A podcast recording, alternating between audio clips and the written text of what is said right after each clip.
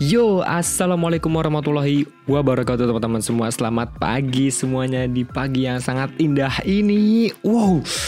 Oke guys, ini serius deh. Sumpah paginya tuh indah banget tadi. Tadi tuh paginya tuh, aduh mendung-mendung gimana gitu, mendung-mendung manja gitu kan. Dan juga ya as usual pada pagi ini uh, ditemani dengan sebuah suasana yang cukup dingin. Habis itu juga cozy dan ya yang tadi gue bilang juga cukup mendung ya mendung-mendung gini tuh emang ngebuat mood jadi lebih bersemangat itu menurut gue sendiri ya. Ditambah lagi relaxing jazz music along with a cup of coffee ya enak lah. Or mungkin teh kali ya itu kayaknya keren banget. Pada episode kali ini gue ingin cerita sedikit mengenai pengalaman liburan keluarga gue ke sebuah kota yang terkenal dengan Burayot, Dodol, atau Cokodot. Di mana lagi kalau bukan kota Tasikmalaya. Di sana gue bersama keluarga, keluarga besar gue ya, berlibur di villa keluarga, yang di mana selama perjalanan dari Tangsel hingga ke Tasikmalaya, itu gue sendiri yang nyetir. Dan bokap gue di samping kiri gue menjadi co-pilot. Selama di perjalanan tolnya itu fine-fine aja ya, karena namanya juga jalan tol gitu. Cuman lurus-lurus doang. Paling nggak kalau ada belokan itu ya mungkin belokan halus ya, nggak terlalu tajam belokannya tuh jauh ngeng jauh gitu. Ya nah lalu setibanya di jalan raya oh it's a whole new level and new excitement I guess. Kayak tiba-tiba jadi banyak angkot truk orang-orang yang nyebrang di jalanan motor pelan di tengah jalan. Nah itu kesel banget sih gua. Udah pelan gitu di tengah jalan lagi ngapain sih? Nyari apa gitu loh mau belok kanan. Ya udah sen. Ini nggak sen gitu loh. Uh. habis itu jen kondisi jalannya yang cukup menikung tapi juga miring. Jadi kalian jalanannya tuh kayak di roller coaster di Dufan gitu. Dia tuh miring eh, jalannya tuh belokan. Tapi belokannya tuh nggak hanya sekedar belokan yang kemiring nggak ada kemiringannya ini ada kemiringannya. Kemiringannya tuh parah banget gitu kayak bener-bener miring. Jadi kalau misalkan jadi penumpang mungkin akan kerasa kali ya kayak naik roller coaster wih, wih begitu deh. Ya jadi emang terkenal ya jalan menikung serta miring kalau mau ke Tasikmalaya ini. Karena itu hal yang sangat baru bagi gue yang super amat keren ya yang di mana tingkat fokus gue meningkat menjadi 1000% sumpah itu ya gue nggak ngantuk sama sekali selama perjalanan di jalan raya. Ditambah lagi gue tuh harus konvoy dengan mobil yang di depan gua itu dikendarai maksudnya disupirin sama supir yang udah amat handal yang di jalanannya itu ya seperti gitulah.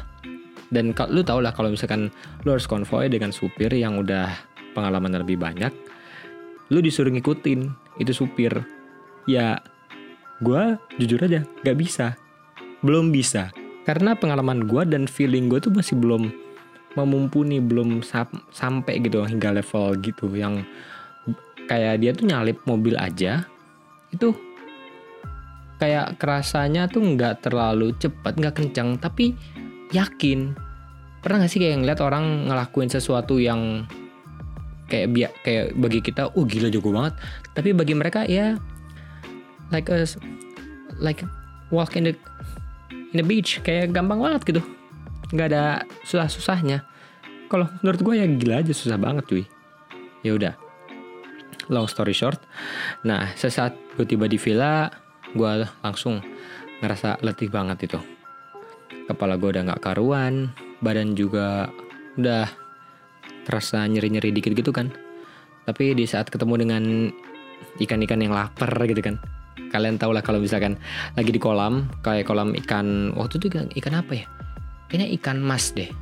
Ya ikan masnya ini dia friendly banget. Itu kalau ketemu sama orang itu dia nggak takut. Dia nggak masuk ke dalam air tapi malah dia muncul ke permukaan untuk eh makan dong makan makan. Sambil bibir si ikannya tuh kayak monyong-monyong gitu kayak yo kalian bisa ngebayangin gimana monyongnya ikan kalau misalkan minta makan gitu. Ya pokoknya kayak gitulah. Yang entah kenapa letih gue tuh tiba-tiba menjadi poof, it's gone, hilang, out of nowhere. Aneh banget gak sih? ya kayaknya ada sih. Gitu. Nah di sana tuh gue juga belajar ngasih makan ikan. Itu bahwa kita tuh bisa ngasih makan ikan dengan masukin tangan kita langsung ke kolam. Kayak langsung masukin aja gitu. Ini ada ada pelet di tangan kan di tangan kita lalu kita masukin dalam kolam itu nanti ikannya tuh bakal ngerubungin bener-bener ngerubungin itu tangan. Dan mereka tuh akan ngisep-ngisep tangan kita tuh akan diisep-isep gitu. Sampai pernah ini kan kelima jari gue ini sampai ad, sampai masuk ke dalam mulutnya. Bener-bener ini jempol jempol gue nggak terlalu panjang ini masuk ke dalam mulutnya. Dan ini jari manis eh jari manis jari tengah gue kan panjang jari tengah ya. Itu tuh masuk ke dalam mulut semuanya si ikannya itu tanpa gua langsung masukin masuk masuk masuk masuk masukin. Enggak. Ah, ah betul. Enggak enggak langsung mereka tuh masukin aja. Entah kenapa suka ngisep-ngisep gitu ya. Gak tahu juga aneh banget gitu. Oke. Okay. nah awalnya sih emang kayak geli-geli gimana gitu ya tapi kelamaan juga sudah terbiasa kok. Bahkan gue juga sempat ngambil dua ikan yang ukurannya lebih besar dari tangan gue jadi ya gue kayak langsung nangkep gitu pakai kedua tangan gue hop oke okay, ketangkep. Tapi abis itu gue lepasin lagi karena kata bibi gue nggak boleh dimakan. Belum boleh dimakan jadi ditaruh aja dulu. Buat nanti beberapa bulan ke depan. Nah long story short itu kan hari pertama. Pada hari kedua kami merencanakan untuk pergi ke gunung yang ada di Tasikmalaya yaitu Gunung Galunggung. Kebetulan banget kan, gue belum pernah ke sana sama sekali. Setibanya di sana, itu ternyata untuk menuju puncak Gunung Galunggung, itu kita bisa menggunakan dua tangga. Yaitu ada tangga kuning dan juga tangga biru. Untuk tangga yang kuning, ini dia memiliki profil yang lebih landai. Makanya dia tuh memiliki 620 anak tangga. Sementara nih, untuk tangga yang biru, ini tuh dia lebih curam Makanya dia tuh hanya memiliki 510 anak tangga. Ya kalau tidak salah 510 lah. Tapi kalau yang mau instan, itu juga bisa naik ojek.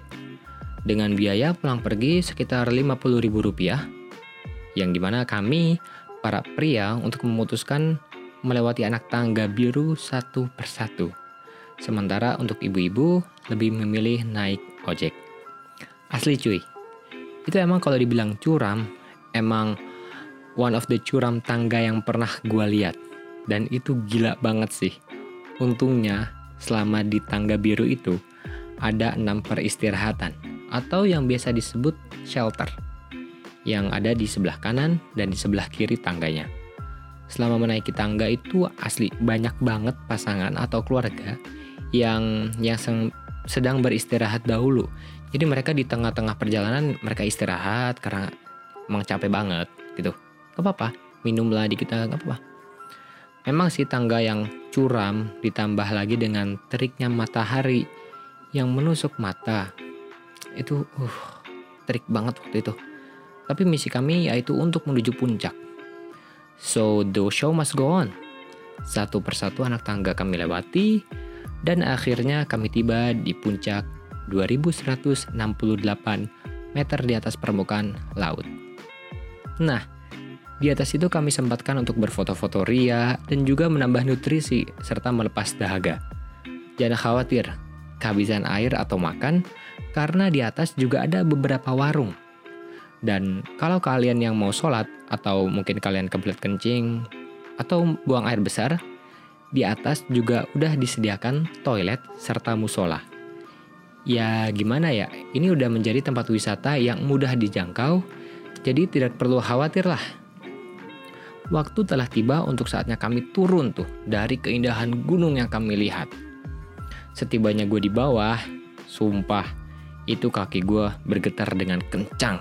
Gila banget, kaki gue gak pernah bergetar sebegini kencangnya selama hidup gue.